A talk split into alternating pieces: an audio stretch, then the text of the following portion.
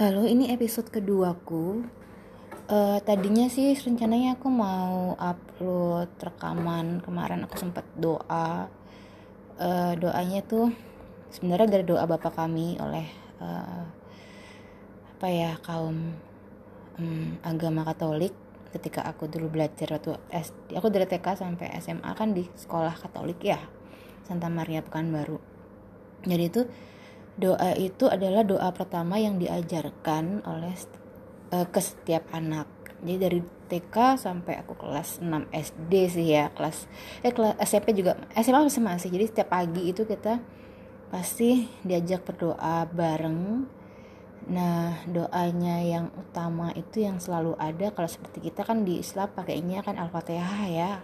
Al-Fatihah selalu ada. Nah ini doa Bapak kami kalau di Katolik selalu ada dan kemudian kan aku dari atau TK sampai SD itu uh, kita kan diharapkan ikut beribadah. Saya bukan beribadah sih ikut beribadah ya bukan beribadah. Non imani bukan.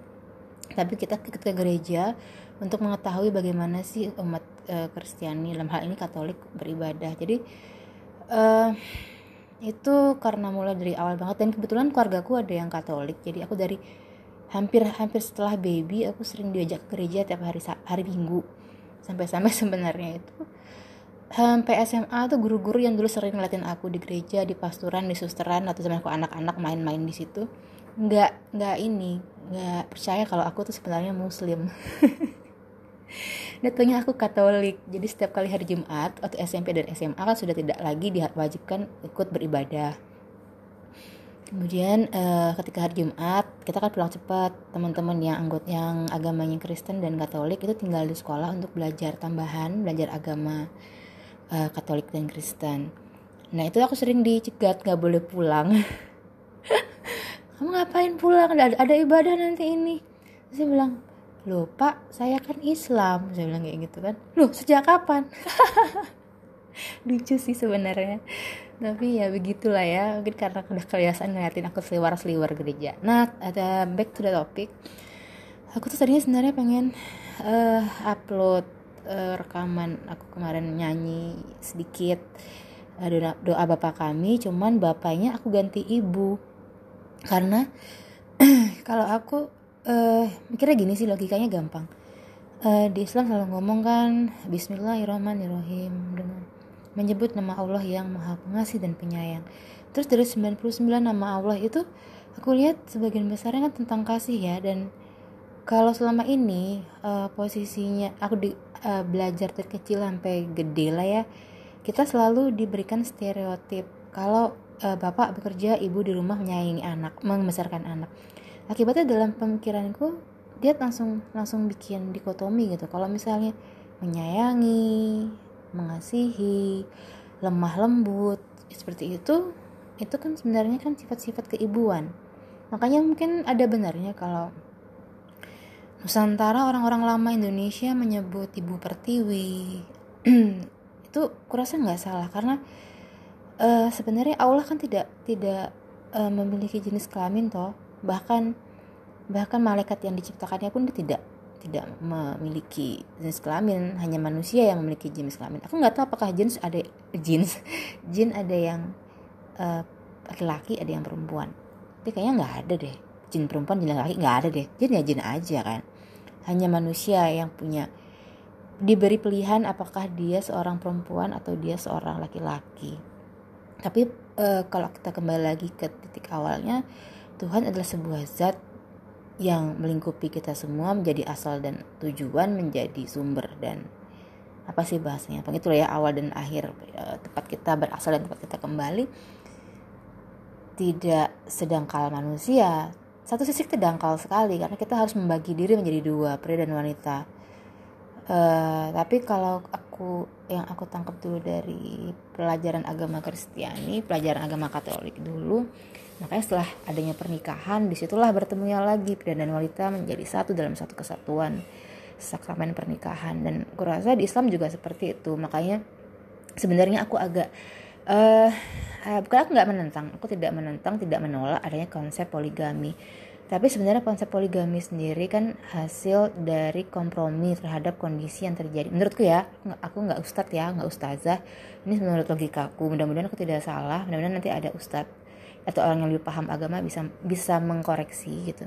Ini menurut pemahamanku dengan membaca ayat kemudian melihat uh, story di baliknya di se sekitaran saat ayat itu diturunkan saat Nabi Muhammad uh, juga menyarankan kepada uh, apa bahasanya umat ya umatnya untuk hanya maksimal 4 gitu. Itu kan juga berdasarkan kondisi saat itu seorang pria bisa punya istri banyak sekali. Jadi ya ya nggak masuk akal lah. Dan satu sisi mereka orang-orang yang uh, harus melintasi lokasi yang sangat jauh dari rumah asal sampai ke tempat tujuan untuk berdagang dan balik lagi itu sangat jauh dan sangat lama.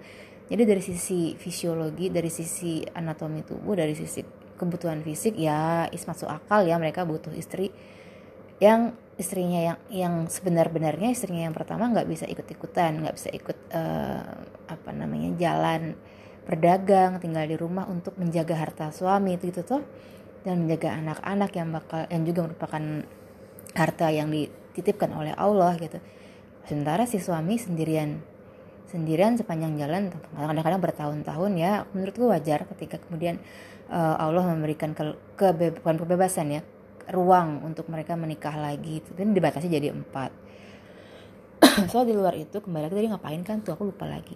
Nah jadi kembali soal di awal ya ketika aku akhir-akhir nih sih waktu zaman dulu aku selalu baca aku selalu ikutan. Aku suka aku suka sekali doa bapak kami karena itu menurutku eh uh, apa ya untuk mengawali hari sangat-sangat baik gitu. Jadi kalau dulu aku selalu uh, mengucapkan atau menyanyikan doa itu dengan versi aslinya ya yang bapak kami. Tapi akhir-akhir ini akhir-akhir ini setiap kali aku mau nyanyiin itu ketika aku merasa butuh untuk uh, diberkati oleh Allah uh, minta pertolongan Allah aku tanpa sadar udah sudah menggantinya menjadi ibu gitu. Jadilah kemudian seperti ini. Karena ternyata aku nggak bisa nggak bisa mengupload aku nggak tahu caranya. Jadi gimana sih harus emang harus rekam dulu di sini baru rekam dulu di ekor ini engkor atau apa namanya ini baru kemudian dipakai. Atau sebenarnya kita bisa bisa ngambil file rekaman-rekaman yang sudah ada. Nanti tolong ya bagi yang uh, penggiat podcast yang senior senior tolong dong kalau dengerin dengerin yang ini atau mungkin uh, ya mudah-mudahan aku udah ketemu duluan ya ketika aku sudah browsing nanti cara caranya gimana ini kan baru episode kedua gue bener-bener baru belajar bo Oke, okay, karena aku masak napas lagi, kayaknya aku berhari-hari ini sesak napas. Nanti habis habis ini aku sebelum ngantor aku mau ke dokter dulu kayaknya. Cek lagi karena aku nggak nggak tahan. Sesak nafasku hanya berhenti saat aku sholat dan aku istighfar. Setelah itu balik lagi.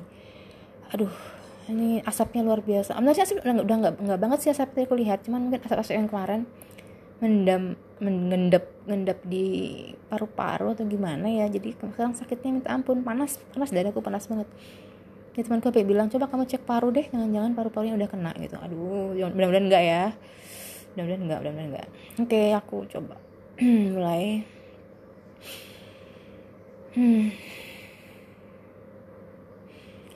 Ibu kami di dalam surga dimuliakan namamu datanglah kerajaanmu Jadilah kehendakmu di bumi dan di surga.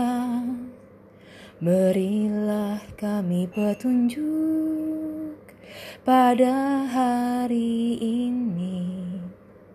Ampunilah dosa kami, seperti kami pun mengampuni yang bersalah kepada kami.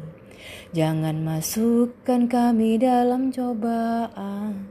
Aku selalu berhenti di sini. Ya Allah, ya Ibu, tolong kami. Jauhkan dari yang jahat. Aku modifikasi sedikit belakangnya, tapi sebenarnya seperti itu. Jadi ketika di paragraf terakhir di lirik terakhir itu disebutkan bahwa ya Allah ya Tuhan ya Bapa ya Ibu jauhkanlah kami dari percobaan namun bebaskanlah kami dari yang jahat Amin, amin, amin.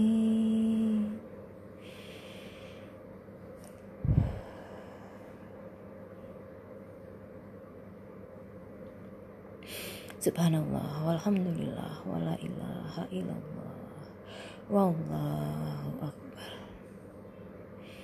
La ilaha illallah. La ilaha illallah. Nah, ini aku agak lega. La ilaha illallah. La ilaha illallah.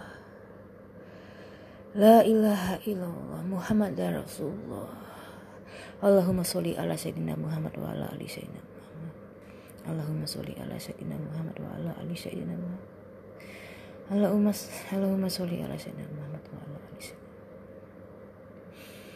Rabbana atina fid dunya hasanah wa fil akhirati hasanah wa qina azabannar. Walhamdulillahi rabbil alamin. La haula wala quwwata illa billah.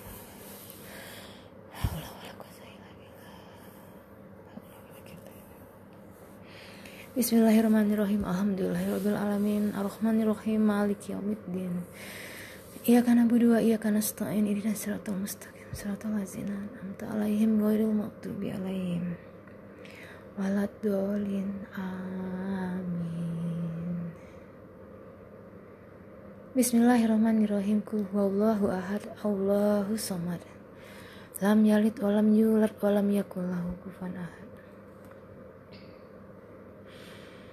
Makin lega Bismillahirrahmanirrahim. Kul huwallahu ahad Allahu samad. Lam yalid walam yulad walam yakul kufuwan ahad Bismillahirrahmanirrahim. Kul huwallahu ahad Allahu samad. Lam yalid walam yulad walam yakul lahu kufuwan ahad. La haula wala quwwata illa billah. Alhamdulillah Oke sekian dulu. Aku mau siap-siap ngantor. Aku sudah ngerasa jauh lebih lega Daripada ketika tadi aku mulai ngerekam dan mudah-mudahan uh, bagi yang ngedengerin kapan pun kamu ngedengerin ini karena isinya doa aku berharap uh, juga membat, dapat membantu kalian. Ketika kalian ngerasa lebih ntar ya. Saat kalian ngerasa down saat kalian ngerasa uh, butuh butuh banget Tuhan saat kalian sakit gitu deh pokoknya. Aku ngerasa banget aku ketika aku doa itu terus ditambah dengan tadi tambahan-tambahan dari Islami ya. Itu tuh membantu banget. Ini sesak napasku masih ada tapi jauh lebih ringan daripada sebelum ketika aku mulai tadi rekaman. So karena aku ngerekamnya pagi selamat pagi semua. Selamat beraktivitas semoga aktivitas hari ini lancar. Uh, selalu sadar bahwa Allah itu ada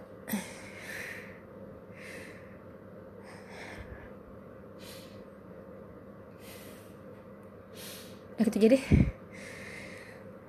Oke selamat pagi Selamat beraktivitas. Ciao semuanya. Assalamualaikum warahmatullahi wabarakatuh. Aku lupa ya ngomong Assalamualaikum di awal. Dah ciao